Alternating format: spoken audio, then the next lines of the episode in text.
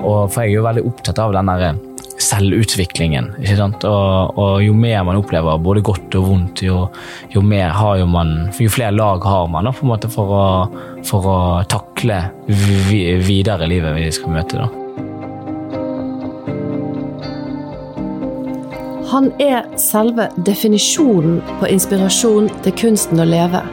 Han snudde livet opp ned, fra problemer og motgang til å erobre verden og seg sjøl. Han vil inspirere andre til å sette seg mål, tro på seg sjøl og ta et oppgjør med seg sjøl.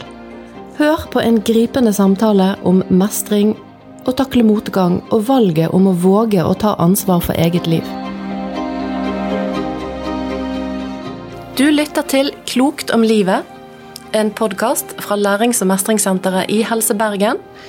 Mitt navn er Cecilie Thorsen, jeg er psykologspesialist og jeg snakker med kloke folk som deler sine historier om hvordan de har navigert i møte med livsutfordringer, helseutfordringer eller store endringer. Historiene deres er unike, men temaene er allmennmenneskelige og relevante for oss alle. Hei, Samuel Messi.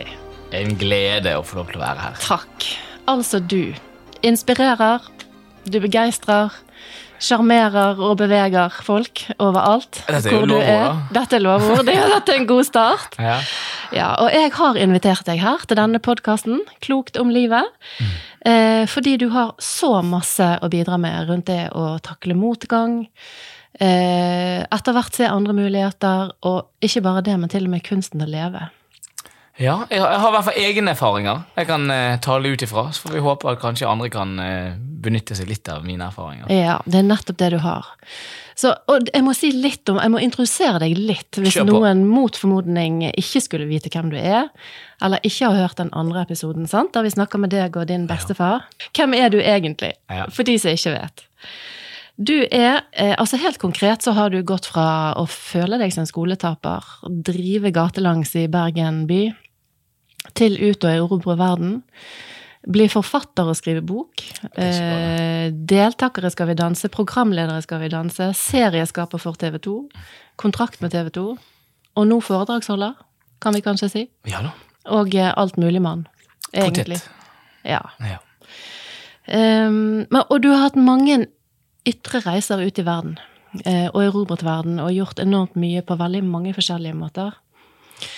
Og det kan jo man bli litt opptatt av og fascinert av. Og så er jeg kanskje mest interessert i den indre reisen din. rett og slett. Ja. Så det har jeg lyst til å snakke med deg om ja, i dag. Det skjønte jeg. Ja, Og det gleder jeg meg til. Så kanskje du vi, vi, må nesten begynne litt om starten, for det er så mye vi kan snakke om. Men, men kan du fortelle litt om eh, hvordan rett og slett skolen var for deg, og det du opplevde der, og den motgangen du egentlig opplevde der?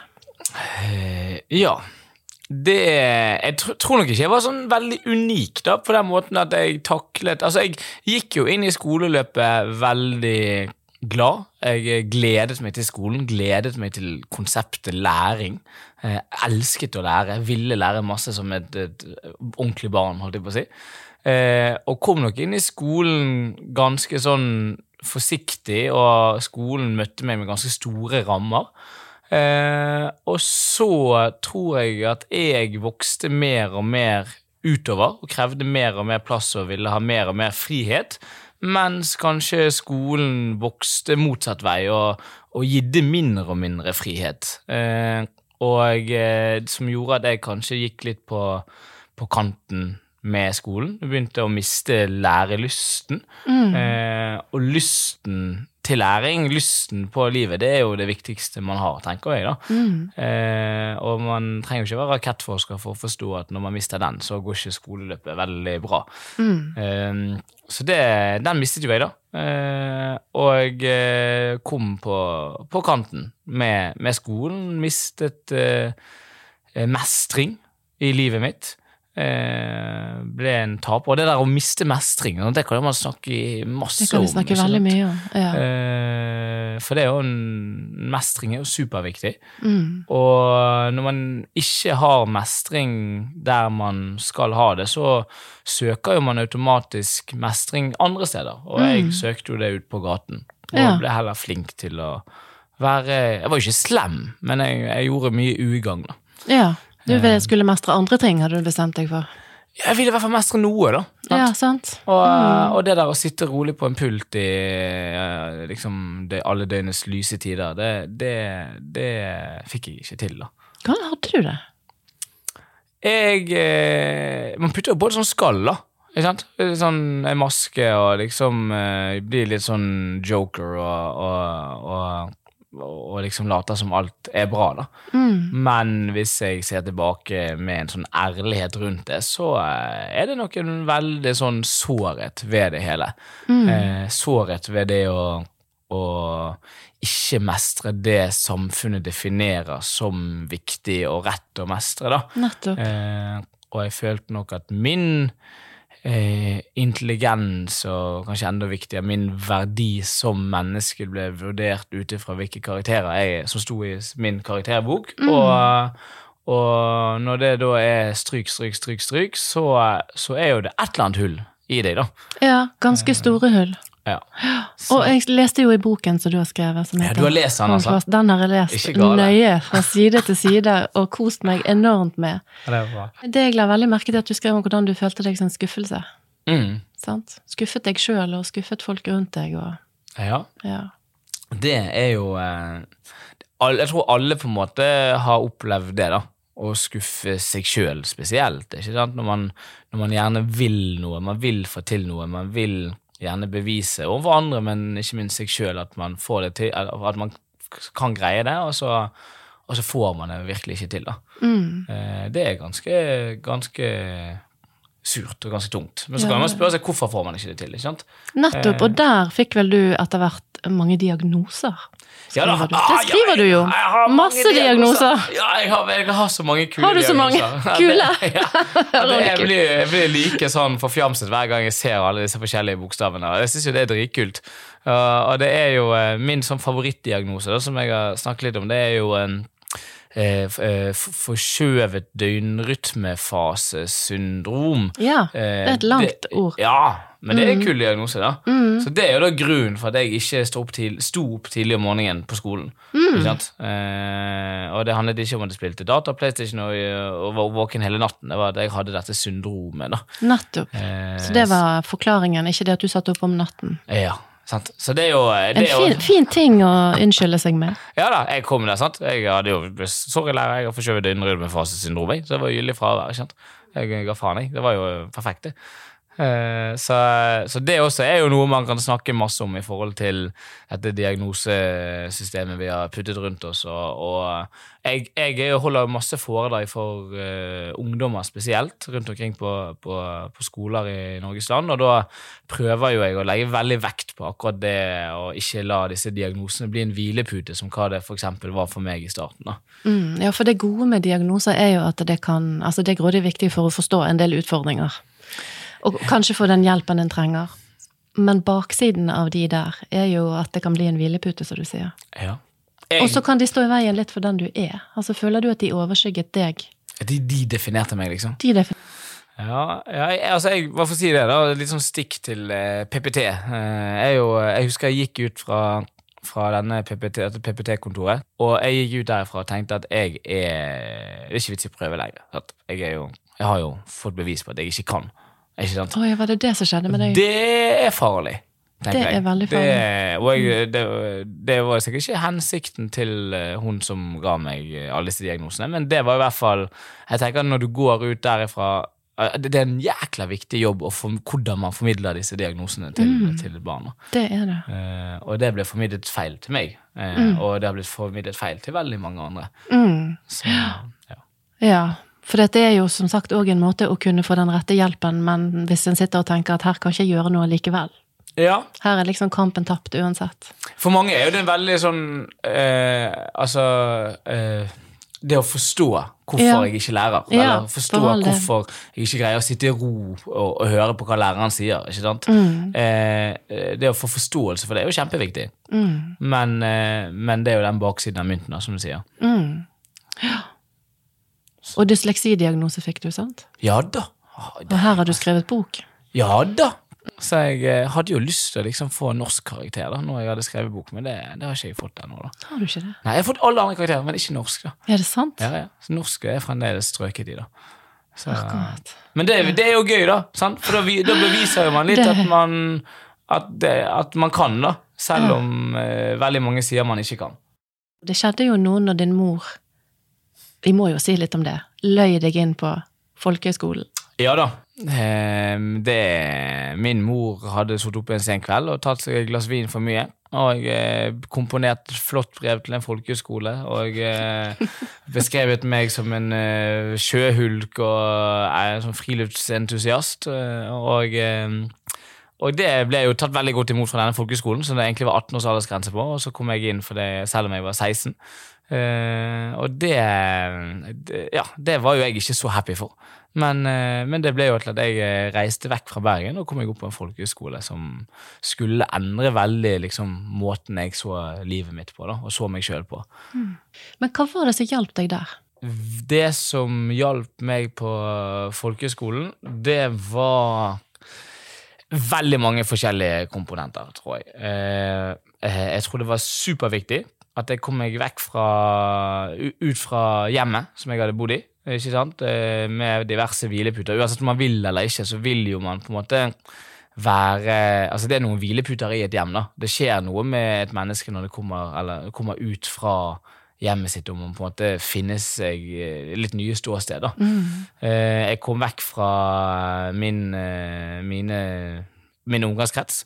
Eh, kunne liksom definere meg sjøl litt på ny. Mm. Og så var det en person der som het Jarle Andhøy, som var seilerlærer, eh, som satte krav eh, og ga meg ansvar. Sant? Han ga meg ansvar med forventninger om at jeg skulle greie det. Mm. Eh, og det er jo veldig fort gjort at man ikke gir unge mislykkede personer ansvar. Mm. For det de greier jo ingenting. Har ikke tro på at man kan greie det. Nei, nei, nei. Mm. Så det at noen kanskje liksom ser deg og, og, og, og tro, virker i hvert fall som de tror litt på deg, Ja. Det Kanskje har forventninger til deg, til og med. Ja, ja, ja. Mm. På folkeskolen så har vi noe som heter solodøgn, hvor man skal over, overnatte en, en kveld helt alene i, i skauen. Og, og jeg eh, Det var liksom denne bålhistorien min, da, som du sikkert husker fra boken. Mm, Eh, den husker jeg veldig og godt. Den, eh, det var liksom det store endringsøyeblikket mitt. da, for det at eh, jeg vet ikke, Det som var veldig spesielt med folkeskolen vil jeg si, er jo at jeg, jeg fikk litt tid til å bare være. Altså den- sånn Denne stillheten var det verste jeg visste om hjemme i Bergen. Eh, Den stillheten av å Altså, da, da kjente jeg en sånn uro i meg. Sant? Jeg husker når jeg var hjemme sant? eh, hjemme fra skolen og kjedet meg, og, og, og da kjente jeg en sånn uro. Det var liksom da jeg søkte ut på gaten, eller For eller, å fylle det med noe. Ja, måte. for ikke være alene med meg sjøl. Ja, selvfølgelig. Mm. Eh, være alene med tankene. Sant? Da kommer jo tankekjøret og alt. eh, Så hvis du bare, hvis du bare gjør noe hele tiden Ja. og ikke, ikke reflekterer over hvor du egentlig er og hva du holder på med, Ja, det er en måte å fortrenge alt Ja, du ikke vil Alt tenke på. teppet, sant? ja. Eh, Men når du, når du faktisk tvinges inn i en sånn stillhet i, i situasjonen, og, og så blir du til slutt konfrontert med deg sjøl. ja. Eh, og det Jeg husker på akkurat den ene bål, altså den bål, solodøgnet på folkehøyskole. Så satt jo jeg der midt i skauen helt alene, og jeg fikk ikke til å fyre dette jævla bålet. ikke sant? Og det var liksom bare kaos. og jeg jeg, eh, jeg sto der i denne intense stillheten og, og, og møtte virkelig meg sjøl. Ja. Eh, og da eh, innså jeg jo at jeg hadde vært en undersluntrer. Jeg hadde, jeg hadde aldri gitt 100 for noe ting. Sant? Og jeg, eh, jeg var prottelei. Mhm. eh, og jeg tenkte søren heller, nå skal jeg, eh, nå skal jeg faen vise. Nå skal jeg vise meg sjøl, skal jeg vise andre at jeg faktisk kan. Mm. Eh, og jeg fikk til slutt fyr på dette bålet. Du gjorde det. Ikke sant? Og, og mens jeg fikk fyr på det bålet, så fikk jeg på en måte fyr på dette bålet inni meg også. Nemlig. Eh, Og derav tok livet mitt en helt annen kurs, og jeg begynte å bygge noe, noe nytt i meg sjøl. Ja. Og der er jo en del episoder som du beskriver i boken, så vi kanskje ikke skal gå inn på alle. Men, Ja da. Men eh, du begynte jo å gjøre noe annet og tenke noe annet og prøve ut noe annet, og så fikk du en invitasjon fra han Jarle Andøy til å være med når han skulle seile til Antarktis, ikke sant? Ja da. Jeg hadde aldri hørt om Antarktis. Nei, hva er nå det? Det er? Jeg har hørt om Nordpolen liksom, og julenissen, men Antarktis Ja. Og, og, du bare gjorde det, og, og, det er nok mange som husker eh, det som skjedde med den ekspedisjonen, mm. som er en lang historie i seg sjøl. Mm. Eh, så, så, hvis vi skal snakke litt om den Når du um, Du blir jo ofte omtalt som eventyrer. Mm. Og det der var jo for så vidt et eventyr. Dere skulle Ja, seile til Antarktis. ja. Og du har beskrevet det mye i boken din.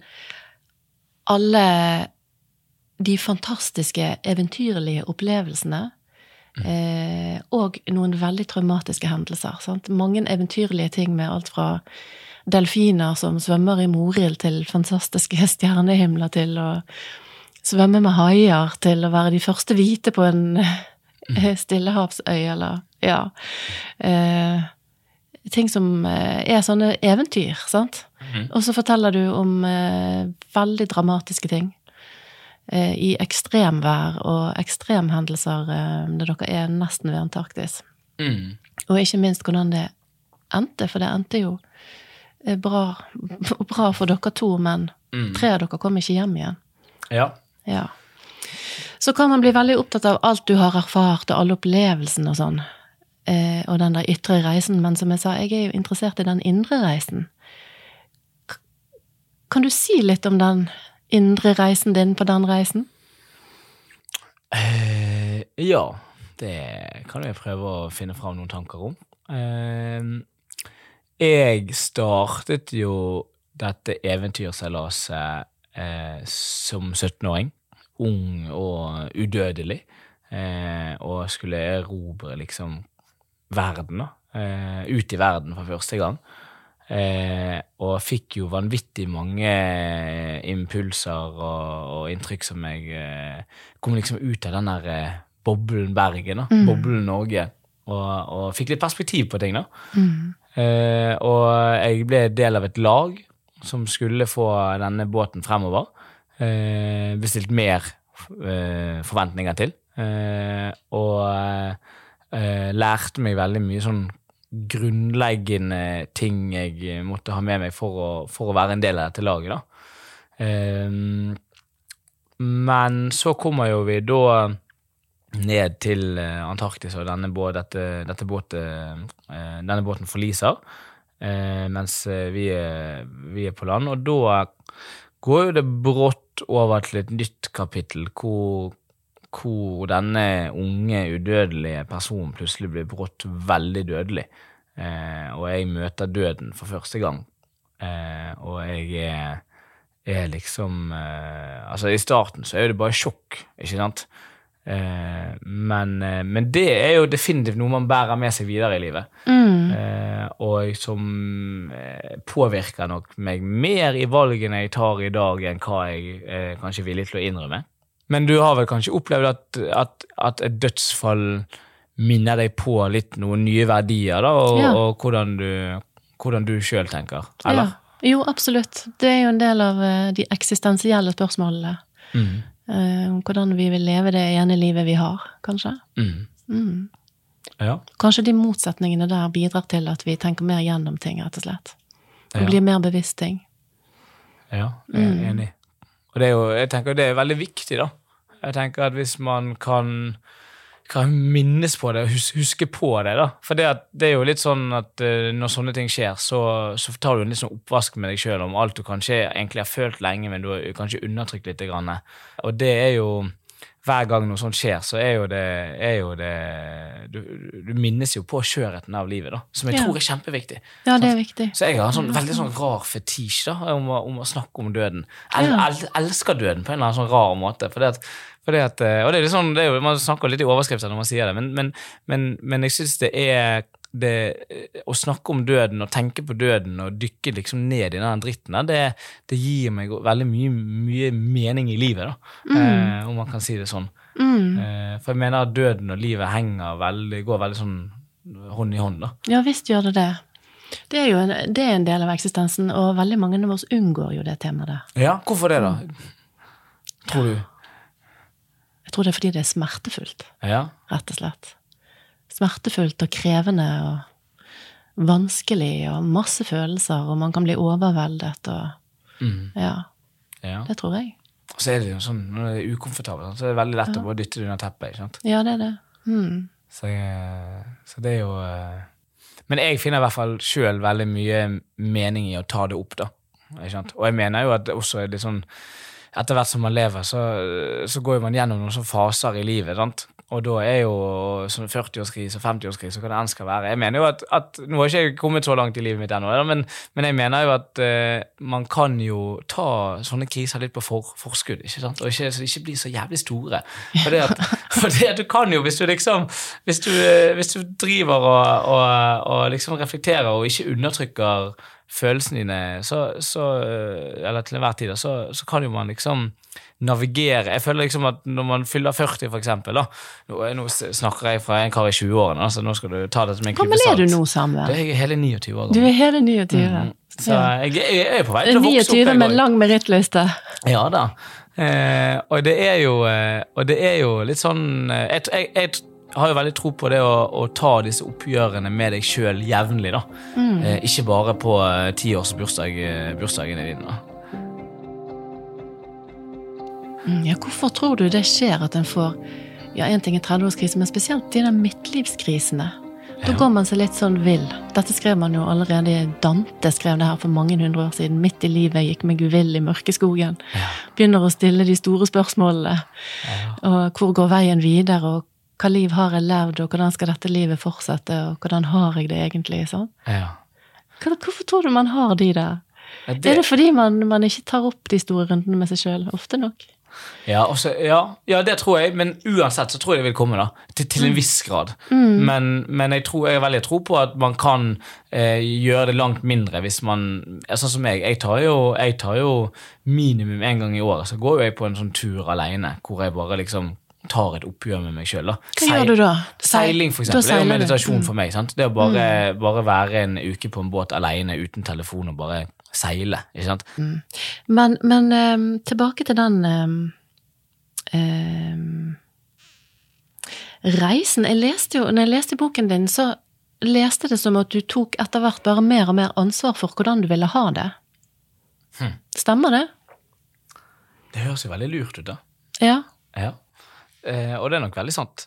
ja. Eh, jeg eh, Det er jo veldig fort gjort at i livet så skylder man på alt og alle. Mhm. Det er aldri Sånn var det i hvert fall for min del. Det var aldri min feil. Det var Mm. aldri min skyld at det ikke gikk som det gikk. Eh, og, eh, og det eh, Man blir litt sånn offer for eget liv, ikke sant? Men så må man heller eh, gi seg sjøl makten til å, å, å endre det man kan gjøre noe med. da. Eh, og det tror jeg er veldig viktig.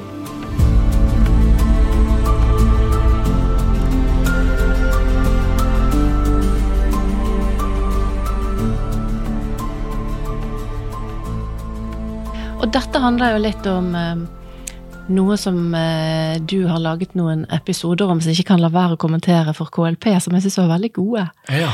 Eh, som handler om det å ta ansvar for eget liv og gjøre gode valg. Eh, og der er et sitat igjen. Eh, elsker sitater. Kjør Ja, men der er mange gode sitater. Det å ikke være en, en tilskuer i tilværelsen, men å være en aktør i tilværelsen. ja.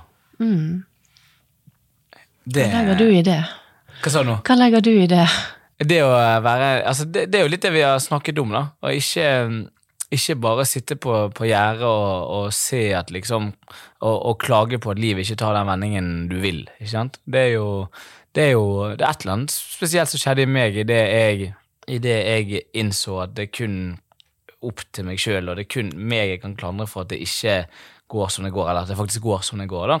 Eh, og mm, jeg hadde jo det prosjektet med min bestefar, for eksempel Ja. hvor jeg eh, reiste rundt med han, og, og, og, der var jo det ingen, ingen selskap som ønsket å lage noe TV av det, for eksempel, og det var ingen Og det var ikke det i Nei, starten? nei, det var ingen som ville det i det hele tatt. Eh, for de syntes det var veldig fint, men de så ikke hvordan de kunne liksom kapitalisere på det. da. Mm. Eh, men da, og, og da er jo det veldig vanlig at man tenker nei, ok, da, da dropper man det, da. Eh, men, men da reiste jo jeg ut uansett og tenkte at dette får jeg til. Ikke sant? Mm. Eh, og min, min, så klart var jo ikke mitt mål å lage TV ut av det i starten. Det var jo egentlig bare å få den reisen med min bestefar. Mm. Men, men det, det, poenget ditt var jo at det finnes jo eh, Jeg, jeg, jeg, jeg syns det er ekstremt gøy når man bare hopper og tenker at vet du hva, jeg har den eh, kraften i meg sjøl til at dette kan gå bra. Går det ikke bra, så får jeg akseptere det. Ikke sant? Mm. men den der at da har man i hvert fall prøvd, da. Eh, Jeg får jo litt lyst å si litt om sånn som jeg har oppfattet bakteppet, så får du eh, korrigere meg hvis ikke det er rett, sant? Men akkurat når du tok det valget mm. eh, med å dra jorden rundt med han, så var jo du i en livssituasjon der du hadde fått en kul jobb. Som, Ja. Og kontrakt, ikke sant? Om fast jobb i TV 2. Du var programleder i Skal vi danse. Stemmer. Ja. Eh, og kanskje var, virkelig hadde seilt i medvind sånn karrieremessig i forhold til all den motvinden du hadde seilt i tidligere. Jeg har lært meg å navigere litt, i hvert fall. Da har du lært deg å navigere og være litt sånn trygg havn der en periode sånn jobbmessig. sånn. Ja da. Og så gjør det det uten å egentlig kunne finansiere det. Du velger å gjøre det. Ja. Hva var var beveggrunnene for det valget der? Om hvilke grunner, sa du? Hva, Hva var beveggrunnene? Altså, hva var grunnen til at du gjorde det? Hva lå bak det valget? Eh, eh, først og fremst så var jo det Eller jeg vil vel si at det var så simpelt at jeg visste at hvis jeg fortsatte i denne drømmeverdenen og, og var programleder for TV 2 og, og gjorde Skal vi danse, for eksempel, så og, og, og ikke valgte å gjøre noe med bestefar sin situasjon, så visste jeg at det kom jeg til å angre veldig på. Eh, og jeg har jo Jeg tenker jevnlig i mine valg er at kommer jeg til å angre på dette nå eller om 40 år, ikke sant? Eh, og da får jeg ofte et veldig sånn tydelig svar da, i forhold til hva er det som er rett å gjøre. Ja. Um, og for meg så var jo jeg midt i den Skal vi danse-boblen, og og det Livet gikk veldig fort, og det var nok manges drøm å på en måte eh, være der, men, men for meg, så når jeg stilte meg nettopp det spørsmålet om det, hva, hvilke valg er riktig, og hva angrer jeg på, så, så ble det veldig klart at det er veldig mye viktig å reise på en eh, Gjøre et prosjekt med bestefar, da. Mm. Så det der med valg er jo, det kunne vi jo snakket om i timevis, for det er så interessant. Mm. Du har noen spennende episoder der òg, der du snakker om valg i de Mm. KLP-snuttene eller episodene. Men, men eh, når vi tar valg, det er jo veldig sammensatt. Noen ganger så er det jo sånn at de valgene vi tar, de er med på å gjøre oss tydeligere for oss sjøl. Hvem vi er, og hva vi syns er viktig, egentlig. Mm. Var det litt sånn for deg? Den gangen det ble tydelig for deg hva som var viktig? Eller hva du ville tenke på frem i tid som ville ha vært viktig at du gjorde? Ja, det det, det det er jo veldig deilig når det er tydelig. Ja, men det er jo ikke så lett, det der. Nei, for det er ikke alltid det er liksom Altså, sånne vanskelige valg, det er jo Det er jo en grunn for at det er vanskelig, for du vet ikke hvordan det ender. ikke sant? Hvis du hadde visst at det er det rette valget, ikke sant? så hadde det ikke vært det vanskelige valget. Da hadde du bare valgt det. Nei, eller hvis det var en happy ending. Ja, ja, ja. Mm, Ikke sant? Så, så, så det er en, innimellom så er jo valg jækla vanskelig. Men da, det, er jo, det er jo da jeg føler liksom man må gå inn i, i ryggraden og liksom spørre seg sjøl hvem er det man egentlig ønsker å være her i livet, og hvilke verdier er det du ønsker å ha med deg, og, og, og ikke minst er, hvilket valg er det som reflekterer nettopp det. da. Mm. Og så tror jeg også at når du tar de valgene som reflekterer det du kjenner i ryggmargen, så, så blir du også mer trygg på deg sjøl og finner mer mening i hvem du er, da. Eh, hvis det gir noe mening. Det gir veldig mening, for dette handler jo egentlig om akkurat det du sier. Hvem vil jeg være? Mm. Eh, og hva er viktig for meg? Og når en, når en får kontakt med det, så kan en jo mer leve med det valget en tok, på en måte. For en, en kjenner mer hva som blir rett. Sant? Mm. Eller mest rett. Har du vært i noen sånne store valg, eller? Hvis jeg kan legge den over for deg? Noen sånne store valg hvor du liksom jeg, vet jo, jeg kjenner jo litt nå, jeg vet jo at du har tatt noen store valg her nylig, men, men har du, eh, hvis du skal, kan du trekke fram liksom et sånt stort valg hvor du, hvor du måtte ta sånn verdivalg, nesten? Ja eh, Kanskje jeg kan ta et litt sånn nylig valg, da. Som vi har snakket litt om, som var litt sånn jobbmessig. Mm. Eh, som, som krevde grådig mange sånne tenkerunder. Eh, fra å jobbe med litt sånn fast forankring og, og litt sånn moderskipet 100% i jobb ett sted, som er litt sånn trygt og greit og innenfor visse rammer og sånn, så tok jeg et valg for noen år siden med at jeg har lyst til å bruke min arbeidstid og våknetid på jobb til å jobbe med det som jeg faktisk syns er viktig, og som jeg trives med, det, eller det jeg brenner for, kanskje mest av alt. Mm. Det var faktisk et ganske vanskelig valg. Og det er mange um, som står i de valgsituasjonene der, og som syns det er spennende å snakke om det, og fortelle litt om det jeg gjorde den gangen. da. Mm. Ja. Jeg har jo, og det må jeg si her, jeg har jo overtatt min mot til å komme bort og treffe deg nå etterpå. så hun kanskje kan bli inspirert av deg. For jeg syns det er veldig kult, det valget du har gjort. da. Jeg må, men hvis jeg liksom kan akkurat, Jeg føler det er mitt spørsmål til meg sjøl også passer inn her. ikke sant? Hadde du angret hvis du ikke tok det valget? ikke sant? Mm. Hvis ikke du torde å satse? ikke mm. sant? Eh, og så klart, det er jo, det er jo det er mye Det kan jo gå gale, men, men hadde man angret hvis man bare hadde fortsatt i dette moderskipet? ikke sant? Og du du tok et annet valg? Ja, det vet jeg jo det man aldri helt vet, men man må jo bare kjenne hva man tror blir mest riktig der og da. Ja. Og om det så hadde vært feil, så er jo ikke det verdens undergang. Nei. Man må jo tørre å velge feil av og til. Ja. Det, det, er jo en del av det hele. Det... For å, å, våge, du mister jo fotfestet, men samtidig så sier man som Søren Kirkegård, som jeg aldri klarer å la være å sitere i denne podkasten. Jeg har boken hans hjemme, faktisk. Ja, Hva for en? Nei, Det vet jeg ikke. Han har mange. Jeg, jeg tror det er en, en oppsummering. En oppsummering, ja, Det er ofte det letteste å lese, for det kan være tungt å lese. men... Eh, og jeg har sagt i mange andre episoder hvem Søren Kirkegård er, mm. men, eh, men, han har jo sagt at å våge er å miste fotfestet en liten stund, men å ikke våge er å miste seg selv. Ja. Mm. Touché, Mr. Touché, ja. Han sa dette altså på midten av 1800-tallet. Ja, Så de var ikke så annerledes på den tiden? De var ikke altså. verken annerledes eller uh, dum i det hele tatt. Kanskje veldig klok. Ja, så, nei, men Jeg er helt, helt enig i Mr. Søren altså, fra, fra Danmark. Ja. Uh, at, uh, at, det er viktig å, å tørre å våge. Mm.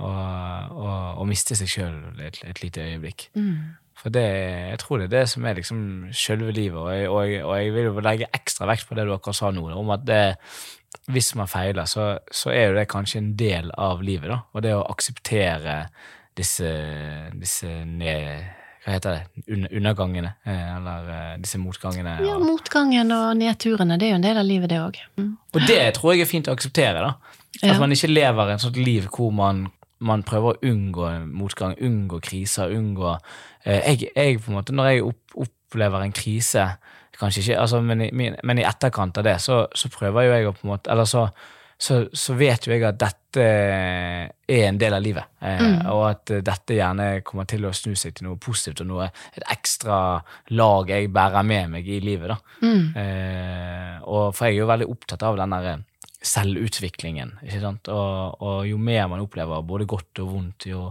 jo, mer har jo man Jo flere lag har man da, på en måte for å, for å takle vi, videre livet vi skal møte. da. Ja, Kanskje man ikke har så mye å skryte av hvis man ikke har kjent på litt ekte fortvilelse og vansker og motgang i mm. livet. Nei. Og har kommet seg gjennom, ja. rett og slett.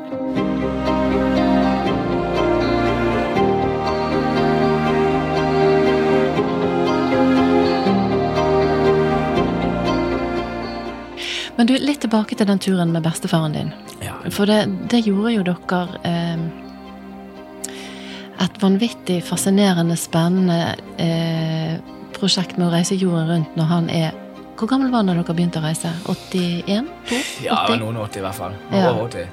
Ja. Eh, den, de to sesongene som går på TV2, vil jeg jo òg virkelig anbefale alle å se. For det er fantastiske historier om om reisen deres, om relasjonen mellom dere to, er helt nydelig å se.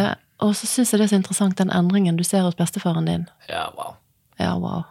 Ja, det, er så respekt, altså, det er så respekt i den uh, gamle skrotten der. Altså, at han Altså, han Meg og bestefar har levd to veldig forskjellige liv, på den måten at jeg brøt jo på en måte veldig tidlig ut fra samfunnets forventninger av meg Eh, mens bestefar har levd hele livet sitt fram til han var over 80 år, og hele tiden liksom pleaset naboen, pleaset alle, og, og skal ikke ta plass, og, eh, og, brøt på en måte aldri ut før, før nå, helt på, på tampen.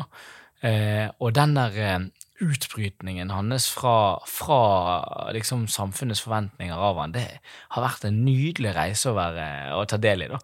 Mm. Eh, for det at eh, han han, det som jeg sa, han har pleaset absolutt alle gjennom hele livet. Alltid alltid dyttet vekk sitt eget ønske for da liksom Dette bør man gjøre. Ikke sant? Det er jævlig mye ting man bør eller man skal gjøre. Burde ha gjort. Vi driver ja. mye med burding. Ja, ja, ja. ja. Mm. Og, det, og, det, å endre det til liksom bare hva det jeg faktisk vil, ikke sant? Hva det, hva det, hva det jeg føler er rett, det det har jo gjort min bestefar til en, en, en, eh, kjempe av en kar, som bare er en, mitt største idol, som jeg sier, da. eh, og har blitt min beste venn på, på denne reisen. Mm. Og, og, han har jo Det har jo gitt han Han hadde jo, var jo kreftsyk, som du nevnte, ikke sant? Og, mm. og, og var liksom klar til å hive inn håndkleet, og, og, så, og så tok vi og, liksom tok et valg, da igjen om å, om å, reise ut og prøve å liksom prøve en aller siste gang. Mm. Og, eh, for å ta et godt eksempel, at, at, uh, han greide ikke å gå til postkassen sin før vi reiste. Mm. Etter tre dager på tur så, jeg, så våkna jeg der, så sto han og tok armhevninger ved badebassenget, og så samlet han seg på meg! Sant? Ungdommens kraft! Eh, og, og, det var jo en sånn total endring. På enormt kort tid. Ja, ja. Så det er jo, det er jo liksom den der Eh, altså, viktigheten av og, og, hva et valg faktisk kan gjøre med deg. da. Mm. Eh, og snakk om å bli aktør i tilværelsen. Ja, hellene. Ja. Så han, han, har jo valgt livet, da. Eh, og det har nok ført til at han har fått veldig mange flere leveår igjen. Ja. Mm. Så... Men kan jeg spørre deg om noe? For når jeg ser på serien, så satt jeg og tenkte at det, det begynner som en reise for å oppfylle noen av drømmene til bestefar. Og så dere som tenker etter hvert at dere blir mer og mer opptatt av kunsten å leve. Mm. Var det inni mitt hode at jeg liksom ser en litt sånn endring i programmet, eller ble dere veldig opptatt av det etter hvert, når dere ser kommer rundt i verden og ser hvordan folk lever og har det? Ja, det er jo, det er jo eh, Når man plutselig får tilbringe så mange døgn sammen med en kar fra en helt annen generasjon av deg, eh, mm. og man får satt sammen så mange forskjellige tanker, så så, eh, så kommer jo det mange spørsmål, da. Og eh, bestefar var jo på slutten av eh, Eller er jo på, på slutten, siste del av sitt liv, da. Og jeg er jo i teorien i startfasen fremdeles. I hvert fall i ett år til, da, til jeg blir 30. du er på vei nedover? Nei, da da, liksom, da har jeg levd litt, da. Men, men da, er det, da er det rett og slett det at Altså Eh, det kommer mange spørsmål om hva det vil si å leve, og er, hvilke verdivalg er det man ønsker å ha med seg videre, og, og, og, og hva er egentlig kunsten å, å leve, da?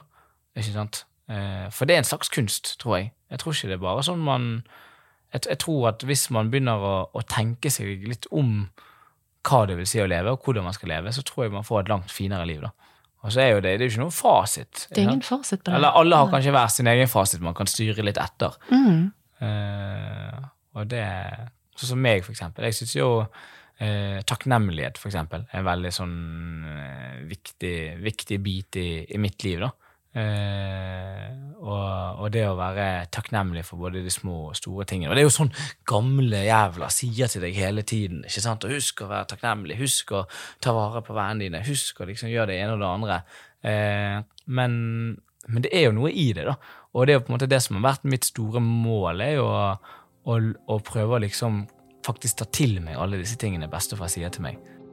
Det er et begrep som heter resiliens, som handler om det å bygge motstandskraft mot å tåle stress og belastninger i livet.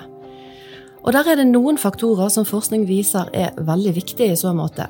Høyt oppe på den listen kommer det å akseptere eller erkjenne realiteten som man er, og at nettopp det er et utgangspunkt for en positiv endring i seg sjøl. I tillegg så er det veldig viktig å kjenne at en har mening i tilværelsen. Man kan òg øve på å bygge motstandskraft ved f.eks. det å snakke positivt til seg sjøl, eh, og faktisk det å øve på takknemlighet.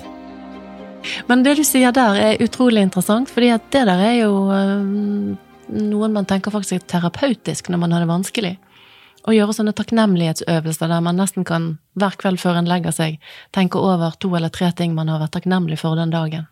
Og Jeg- det er veldig interessant hva som skjer da. Jeg skal ikke skryte på meg at jeg sitter her hver kveld og, er takknemlig, men, men, jeg, men jeg prøver å gjøre det en gang iblant, da.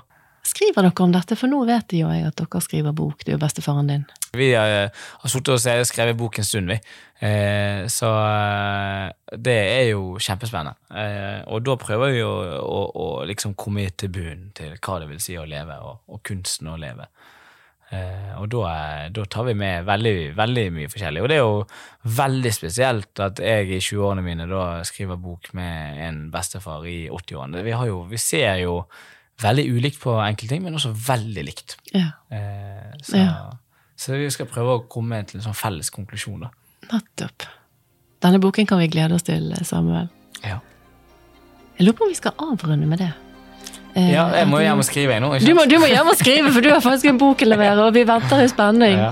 Samuels og bestefars metode for kunsten å leve. Ja da. Det, den, kommer, den kommer plutselig. Den kommer plutselig. Helst eh, veldig fort, håper jeg. Ja. Jeg vil bare si veldig, veldig tusen takk. Jeg er enormt takknemlig for at du eh, ville komme og, og dele refleksjonene og tankene dine her med oss. Takk skal du ha, Samuel.